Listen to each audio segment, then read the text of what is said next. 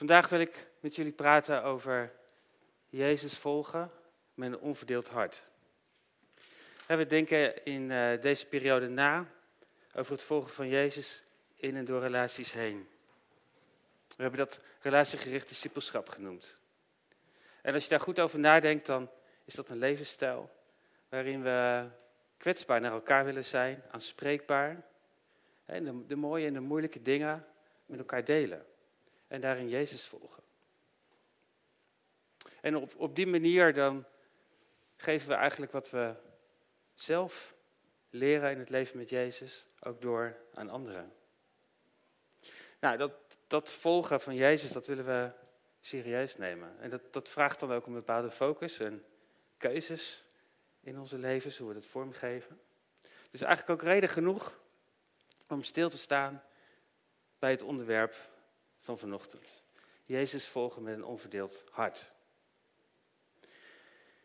Nou, wie heeft het Nederlandse elftal zien spelen? Gisteren en laatst ook tegen Wales natuurlijk.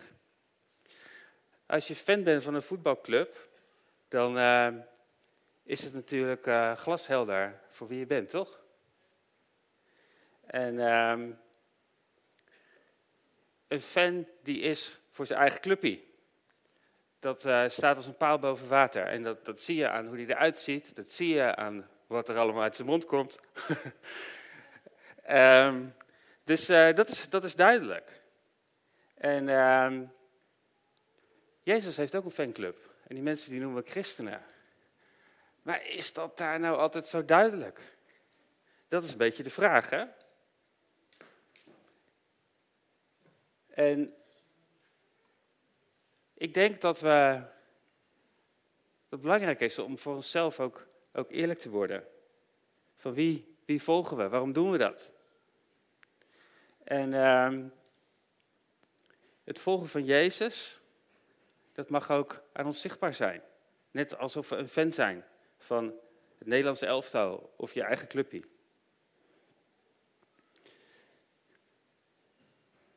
En het is net als met de bloem die Renske net uh, liet zien. Daar heb ik ook een slide van. He, houdt God wel van me, houdt God niet van me? Daar kunnen we soms zo over in dubio zijn. Spreekt hij nou wel tot me of niet? Um, bestaat hij wel? Of ja, ik geloof wel dat God ergens bestaat, maar bestaat hij ook voor mij?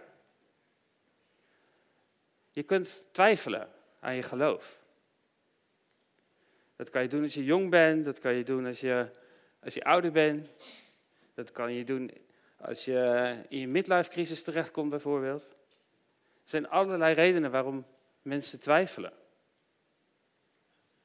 En de Bijbel die spreekt dan over, eigenlijk over een, een dubbelhartig hart. En uh, we zien dat bijvoorbeeld bij Salomo. Hè? Salomo die heeft uh, die wijsheidsboeken geschreven, waaronder spreuken. Nou, er zit gewoon echt super bovennatuurlijke wijsheid in dat boek. En dat heeft hij geschreven op het moment dat hij, dat hij vol voor God ging. En later in zijn leven, toen, uh, toen hij ook ontzettend rijk was geworden, uh, heel veel vrouwen had uh, uit verschillende landen en verschillende culturen. En die brachten allemaal hun eigen goden mee. En ehm, toen eh, werd Salomo wel wat, uh, ging die twijfelen. En in die, in die periode heeft hij het boek Prediker geschreven. En we zien daar een hele andere toon. Veel cynischer, veel, um, ja, hoe zeg je dat? Een beetje teleurgesteld. En is het nou allemaal wel echt zo en heeft het allemaal wel zin? En wat belangrijk is ook om te weten dat als we de Bijbel lezen, is dat in het Hebreeuwse denken is je hart is het stuur van je leven. Nou, ik heb daar een, eh, een slide van gevonden, als die even op mag. Kijk, zo ziet het er dan uit. Altijd leuk. Maar met je hart bepaal je waar je heen gaat. En in het Westen denken wij eigenlijk dat we dat met ons hoofd doen. Hè? Van, nou, we maken keuzes en we denken er goed over na en dan, uh, dan gaan we. Maar vaak speelt daar natuurlijk een veel dieper proces een rol. En dat speelt zich af in ons hart. Dus het is belangrijk dat, dat ons hart um, ja, ongefragmenteerd is, als het ware. Eén stuk. Dus wanneer je met je hart enerzijds op Jezus gericht bent, op zijn koninkrijk, maar aan de andere kant bijvoorbeeld drijfveren van macht, succes, geld, status, ehm, rijkdom, noem maar op, dan word je ergens een beetje stuurloos. Hè? Je kan niet het een doen of het ander. Nou ja, kijk naar de voetbalfan. Je kan niet ehm, tijdens de wedstrijd even wisselen van, uh, van fan. Hoe gaat dat dan werken? Ben je dan de, de, eerste helft voor Nederland, de tweede helft voor Wales? En dan in de verlenging, voor wie ben je dan? Volendam. Volendam, kijk. Jij, jij hebt overal een oplossing voor.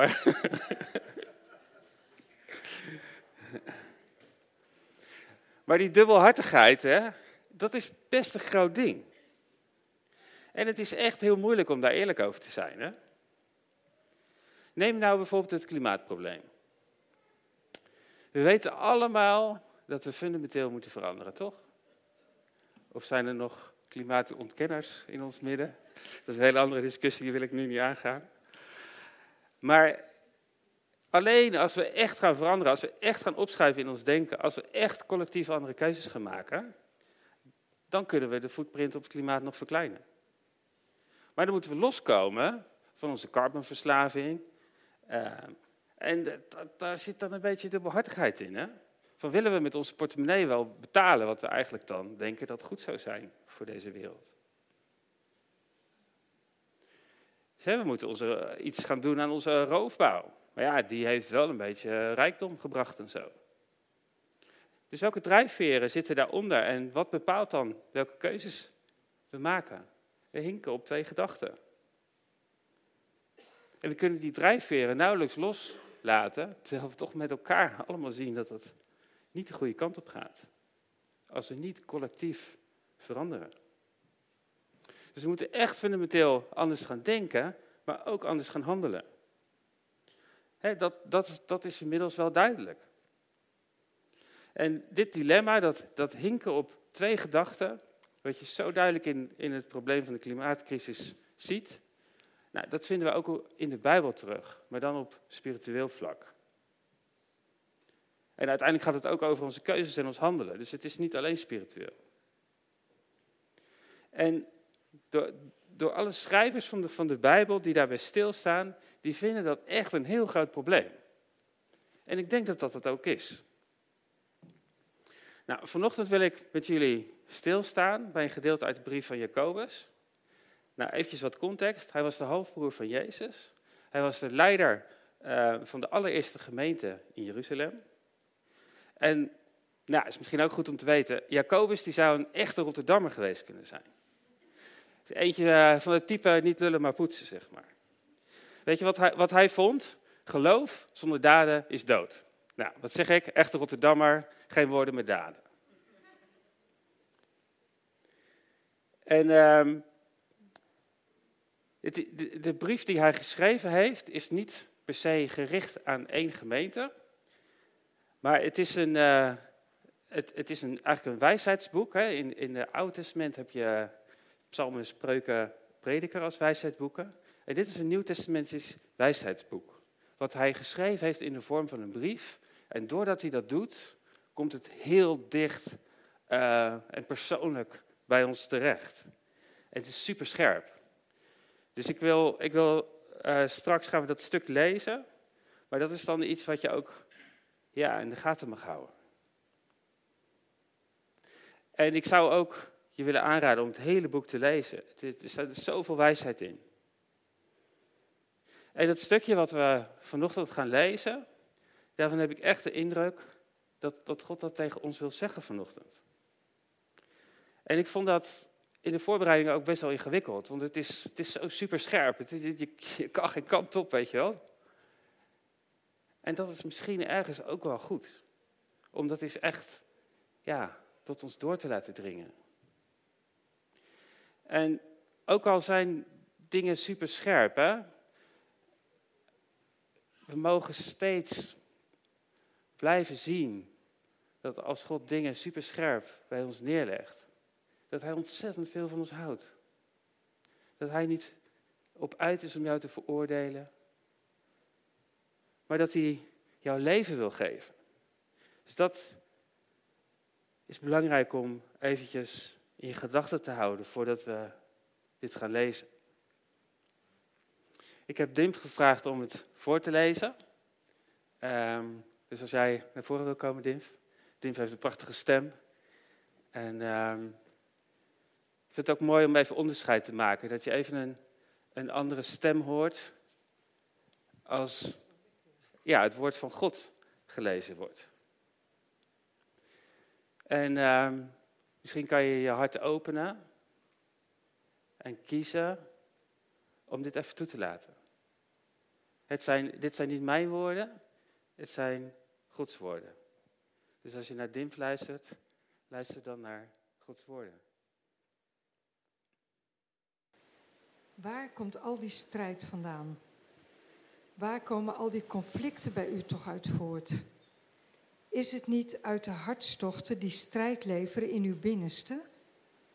U verlangt naar iets, maar krijgt het niet. U bent jaloers en moordlustig, maar bereikt uw doel niet. U bekvecht en twist met elkaar. U krijgt niets omdat u niet bidt.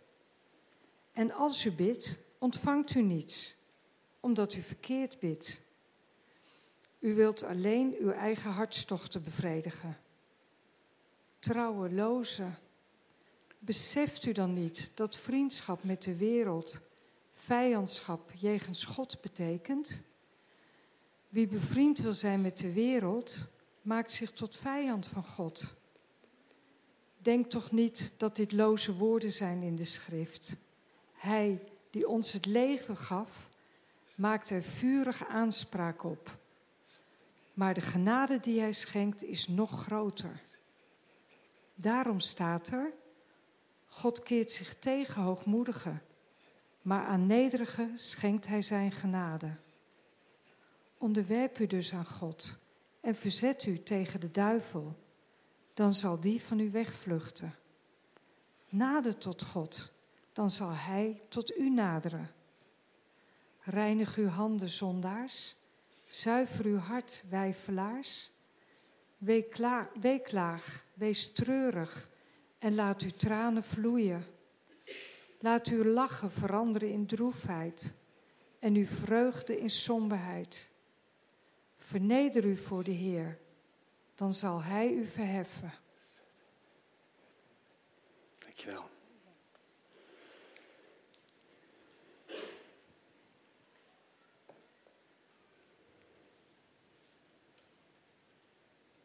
Wat zegt God tegen jou als je dit zo leest, als je dit zo hoort?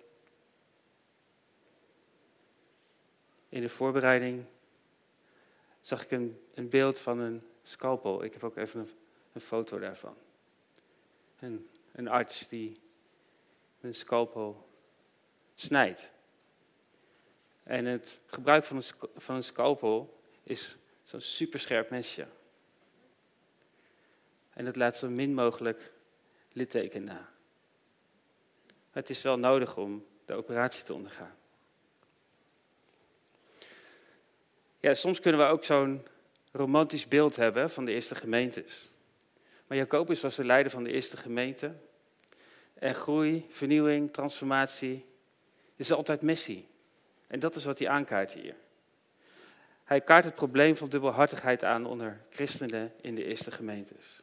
En het is een vurig pleidooi om van binnen en buiten congruent te zijn, één van stuk, ongefragmenteerd. En Jacobus die schetst dus een direct verband tussen strijd, gedoe, geruzie, um, oneenigheid, wat zeg maar zichtbaar is aan de oppervlakte. Daar zijn diepere wortels van, zegt hij. Dat, dat zijn hartstochten, dat zijn zelfzuchtige dingen, keuzes die we maken die niet kloppen. En die leiden tot, tot allerlei twijfel en conflicten, strijd. Dus een, een onbehandelde afgunst, jaloezie, begeerte, zelfzuchtige verlangens. Dat is zijn pijnlijke diagnose. En de behandeling, een open hartoperatie. Met als resultaat een onverdeeld hart. En wanneer dubbelhartigheid zeg maar, ons gesprek met God beïnvloedt, dat is helemaal killing. dan, dan bidden we verkeerd vanuit verkeerde houding. En God, God kan dat niet, die kan dat niet verhoren. Dus de eerste takeaway uit het stukje is, Jezus volgen met een onverdeeld hart is tot God bidden vanuit een rein en zuiver verlangen. En God wil de verlangens van ons hart vullen, vervullen. Maar als we aan Hem of aan zijn goedheid twijfelen, dan geven we als het ware ruimte aan die misschien wel onbewuste drijfveren. Drijfveren van angst, van dan gaan we het zelf fixen. En dat is de waarschuwing, dat is de code geel uit dit gedeelte. En we zien in het verhaal van Job, hè, zien we, hè, hij was de man die alles kwijtraakte. Dan zien we een hele andere houding. Die op een gegeven moment zegt als dat allemaal gebeurd is. Hè, ehm, hij raakte zijn, uh, zijn kinderen kwijt, zijn vee, zijn, zijn bedrijf, zou je kunnen zeggen. En zouden we alle goede van uh, dingen van God aannemen, maar de slechte dingen niet? Dat is een onverdeeld hart, die uitgaat van de goedheid van God. Als het onheil losbarst in zijn leven, dan aanvaardt hij zijn lot. Zonder te grijpen naar dingen op een onrechtmatige manier, vanuit ongezonde drijfveren. Dus Job die twijfelt niet aan de goedheid van God. En twijfel, dat is zo'n dingetje. Hè? En lang, langdurige twijfel, dat is hartverscheurend, nietwaar? Dan kan je een knoop van in je buik krijgen. Um, dat blijft ergens knagen. Dat kost heel veel brainspace. En als je Jezus wil volgen met een onverdeeld hart, dan vormt twijfel echt een blokkade. Nou, kijk, op zich is een beetje twijfelen natuurlijk niet verkeerd, hè? Um, het hoort ergens bij uh, het gebruik van je gezonde verstand. En uh, het is een soort afwegingsproces waar je in zit en dat kost nou eenmaal tijd. En je zou kunnen zeggen dat je verschillende hersenhelften even aan het synchroniseren zijn van hey, vinden we het allemaal wel hetzelfde. Um, maar wat op het eerste gezicht logisch lijkt uh, om te kiezen, daar hoef je niet ook altijd zeg maar, een overtuiging of een goed gevoel bij te hebben. Of andersom. En ja, als je overtuiging mist, dan kom je in twijfel terecht. Maar een gezond proces komt uiteindelijk wel tot een keuze natuurlijk. Nou, dat, samen Jezus volgen met een onverdeeld hart, dat gaat eigenlijk nog een stapje verder. We proberen elkaar te helpen in het gehoorzaam zijn aan wat Hij zegt, door zijn woord en door zijn geest. Ook al begrijp je het niet, ook al voelt het niet goed, ook al schuurt het soms met wie we zijn of met onze cultuur. En dat vraagt soms hele moedige keuzes. Keuzes uit gehoorzaamheid, keuzes vanuit vertrouwen. Dat God goed en genadig is. En dat Hij het beste met je voor heeft. Maar oh, wat is dat toch moeilijk? Dat vraagt loslaten wat gangbaar is, wat acceptabel is. Het vraagt loslaten hoe je gezien wil worden door anderen. Noem maar op. We hebben het laatst over loslaten gehad.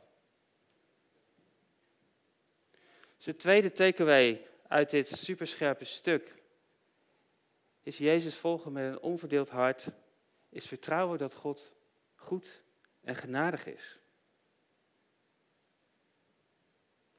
Ja, dan noemt hij dat punt hè, van waar zijn we vriendschap aangegaan met de wereld en het denken van deze tijd.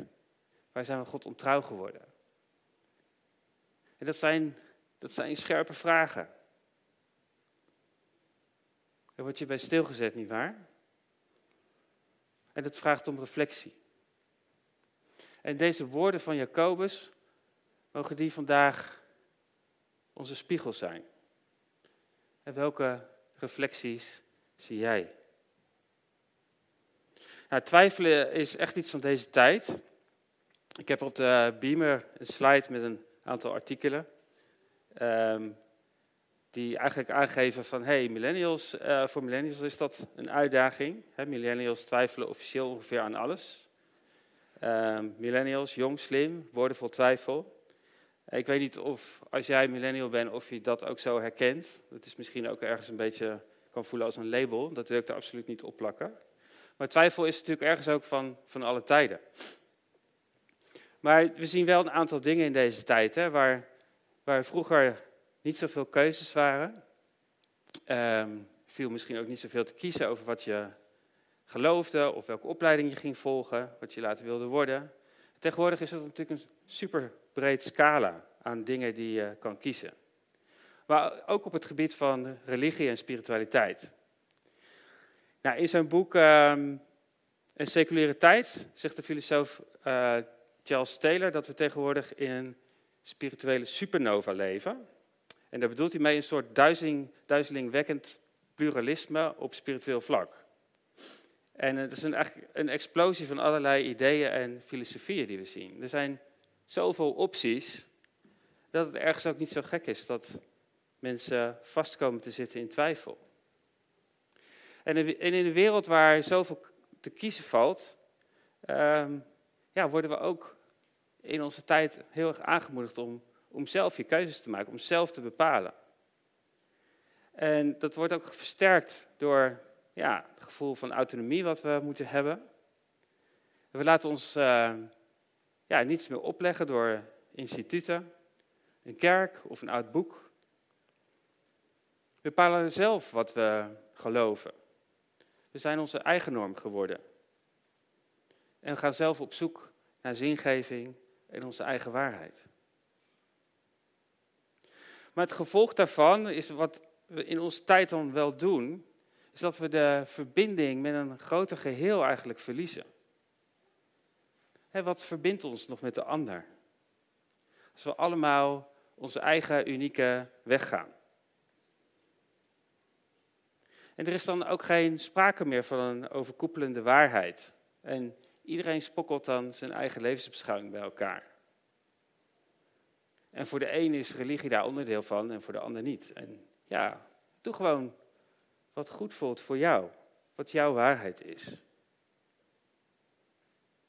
Maar inmiddels is de vraag natuurlijk ook wel, als we leven in zo'n cultuur met zoveel keuzes, kunnen we het dan wel alleen of kunnen we daar alleen in navigeren? En is het op een bepaalde manier niet hoogmoedig gedacht om alleen te navigeren op je eigen kompas? Weet je, aan een kompas zonder kaart heb je niet zoveel. Want om op je bestemming te komen, heb je beide nodig. En ik geloof dat Gods geschreven en gesproken woord die kaart wil zijn, waarmee jij een zuivere richting kan bepalen. En ook nog eens de kortste route. Dat is natuurlijk ook fijn. Maar dat betekent wel wat voor onze autonomie. Dat kom ik bij de derde TKW. Jezus volgen met een onverdeeld hart is je autonomie uit handen geven. En is onze hang naar autonomie niet een beetje doorgeslagen? Misschien denk jij wel van, hé, hey, wat is er nou mis met al die opties? Waarom zou ik moeten kiezen? Wat is er mis met zelf mijn weg vinden? En kunnen al die sporen niet op een of andere manier harmonieus naast elkaar staan? is dat niet juist angst van de gevestigde orde? Het idee dat er één objectieve waarheid zou moeten zijn, is dat niet juist gebaseerd op angst? Zo van, nou dan is het duidelijk, hè? dan hebben we een overzichtelijk systeem en dan hoef je er verder niet zoveel over na te denken. Als je dan maar voldoet aan dat systeem. En ik kan niet ontkennen dat sommige christenen objectieve waarheid zou hebben gebruikt. En vaak misschien ook wel op een wettische manier. En dat is misschien ook wel waar we vandaan komen en waar we in onze cultuur ook een beetje afscheid van willen nemen. En op een bepaalde manier ook wel terecht. Maar ik vind het eerlijk gezegd wat te eenvoudig om het hele concept dan zo weg te zetten. ik heb dan een vraag voor je. Want is dat niet willen of niet kunnen kiezen? Is dat niet juist gebaseerd op angst? Door niet te kiezen, al je opties open te houden, kan je ook geen foute keuze maken, niet waar? En toch is niet kiezen, is ook een keuze. In een tijd van oorlog kan je je niet permitteren om geen keuze te maken. Ook al zou je zelf geen bewuste keuze willen maken, aan welke kant van het front je bevindt, bepaalt toch hoe jij gezien wordt als vriend of vijand. de Russen schieten nu eenmaal granaten naar de Oekraïners. Als je niet kiest, als je niet vecht, als je niet opstaat, dan word je prooi van de vijand. En in een oorlog zorgvuldig alle opties open houden, naast elkaar houden, dat gaat niet werken. Er staat in één keer veel meer op het spel.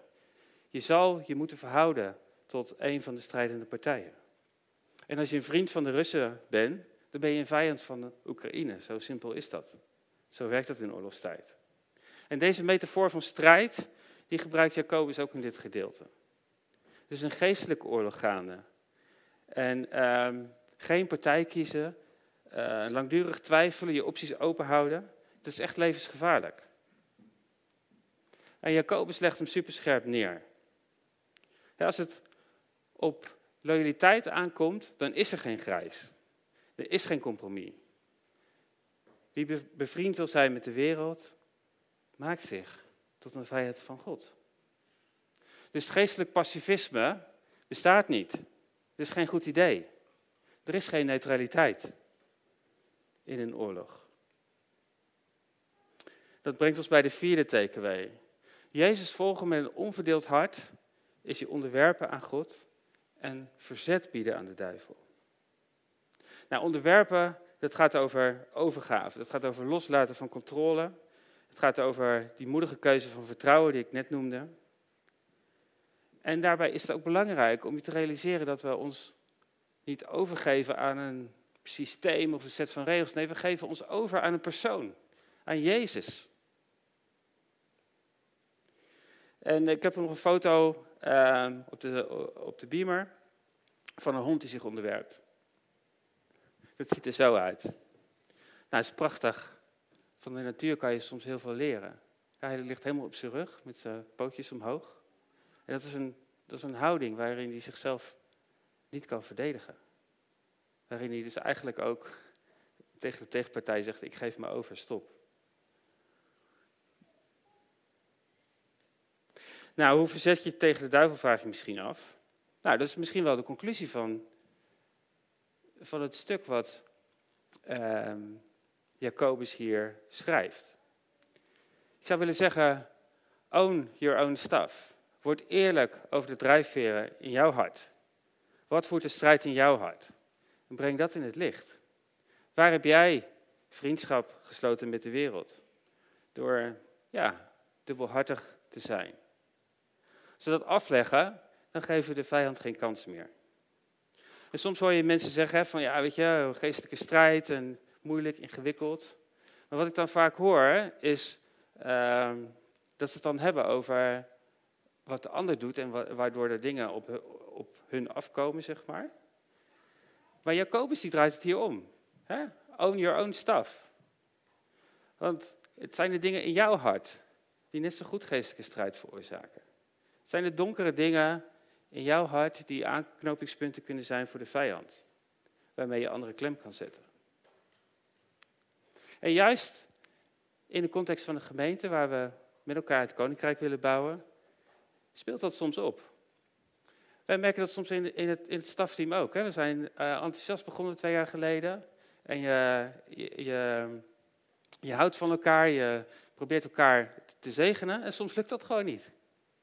En dan, dan zitten er dingen tussen. En dat kan in mijn hart zitten, kan in, het hart van de ander zitten. Maar als ik, als ik maar blijf zeggen dat het aan de ander ligt, dan kijk ik nooit naar binnen. En dat is niet goed. Ik moet mijn eigen dingen beetpakken. En dat is wat Jacobus hier ook zegt. Pak je eigen dingen beet. Neem verantwoordelijkheid. En als we dat hier met elkaar leren, dan, uh, als we dan zeg maar met collega's in gesprek zijn, dan zullen ze ook iets zien. Of, net zoals vorige week op het Vineyard Festival, als we met mensen in gesprek zijn. En ik geloof dat God nieuwe dingen wil doen in ons midden. En het is ergens dan wel nodig dat we daar klaar voor zijn. Dat we, dat we echt met een onverdeeld hart Jezus kunnen volgen. En het, en het ook anderen voor kunnen leven, snap je? Zodat we niet alleen zeggen van nou je moet dit doen, je moet dat doen, je moet Bijbel lezen, je moet bidden. Nee, het gaat veel dieper dan dat. En hoe, hoe kunnen we dat diepe overbrengen aan anderen als we zelf verdeeld zijn?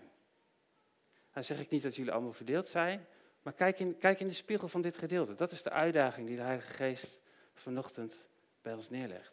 Waar, waar zit de verdeeldheid in jouw hart? Waar, waar mag je één van stuk worden? Nou, dat brengt me bij de volgende TKW. Jezus volgen met een onverdeeld hart is dichterbij komen en ontdekken dat Hij dichter bij jou komt. Nader tot Hem en Hij nader tot jou. dus zet je twijfels aan de kant. Neem die sprong en ontdek dat je opgevangen wordt in armen van liefde. De armen van de Vader. Wat een prachtige belofte. Jezus volgen met een onverdeeld hart is jezelf vernederen. En Hij zal je verheffen. Nou, het is tijd om af te ronden. Misschien heb je naar deze preek geluisterd en uh, kon je er echt niet in meekomen. Misschien denk je van ja, dit is gewoon echt ja, super scherp. Legt voor mij de lat veel te hoog. Dit kan ik toch helemaal niet. En ergens denk ik ja, goed punt. Ik kan het ook niet. Ik kan het ook niet. En misschien is dat wel het idee van Jacobus, om ons op dat punt te brengen. En het idee van de Heilige Geest die deze teksten heeft geïnspireerd. We hebben het ergens nodig om aan, aan een eind te komen. Onszelf te vernederen, te knielen, te buigen. Onszelf over te geven. Ons te laten reinigen. En dat hoef je niet zelf te doen. Je mag eerst bij God komen met alles erop en eraan. Met alles wie je bent. En als je er dan toch bent, kan Hij het niet laten om jou schoon te maken. Om je wonden te verbinden. Om je te genezen. Ik geloof dat God nieuwe dingen wil doen in ons midden. We hebben daar ook indrukken over gehad van ja, groene spritjes die op aan het komen zijn. En ik denk dat dubbelhartigheid in de weg staat. Dus laten we dat vanochtend daar stappen in zetten. Laten we dat wegdoen.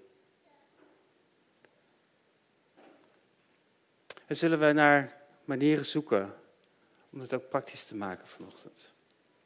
Laten we de Heilige Geest opnieuw uitnodigen. Laten we opnieuw God aanbidden.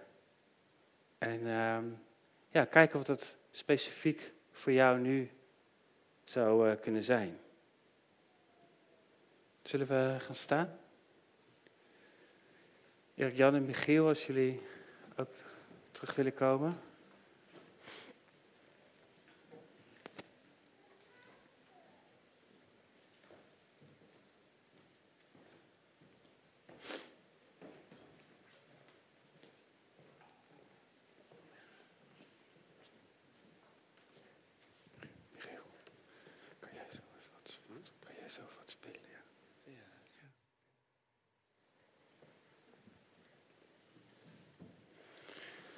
Ja, kom Heilige Geest.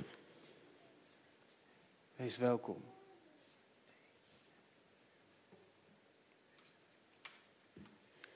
we nodigen u uit om heel direct tot ons hart te spreken.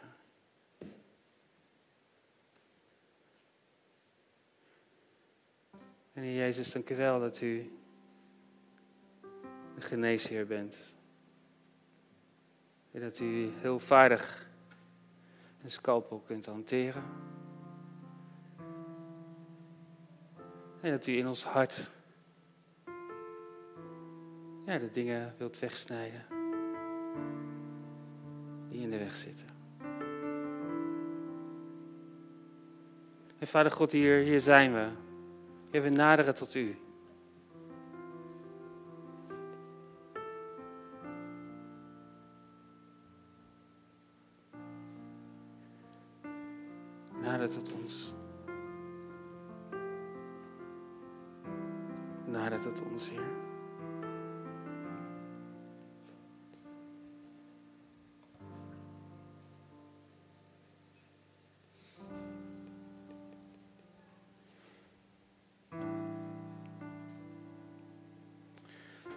Heilige Geest, ik bid u dat u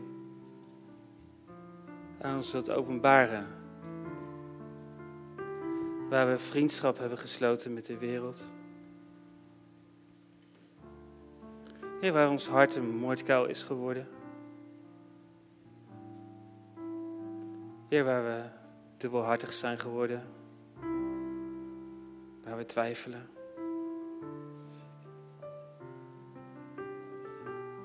Heer, waar er strijd is in ons leven.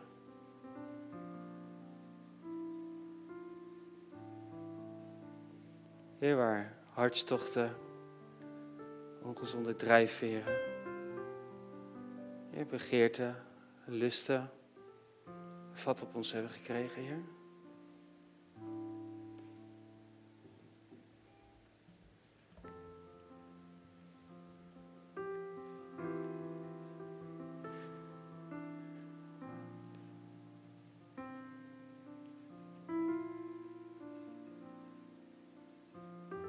Als de Heilige Geest dingen aan je laat zien, dan zou ik je willen uitnodigen om naar voren te komen. En ehm, er staat hier ehm, water. En Jacobus zegt, zegt het ook zo mooi van reinig je handen. En ehm, ja, dat kan, dat kan een mooie keuze zijn om om te doen.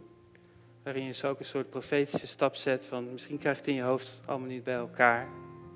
Maar je kan wel gewoon kiezen van hier. Ik wil een onverdeeld hart hebben. Dus ik, ik reinig mijn handen en je kan gewoon je handen in het water houden. Misschien vind je het fijn om dat ook op je hoofd te doen, een reiniging van je gedachten. Een symbool van reiniging. We willen ook graag voor je bidden als je gebed wil ontvangen. Of als je ziek bent of gezondheidsklachten hebt. We willen ook graag voor je bidden.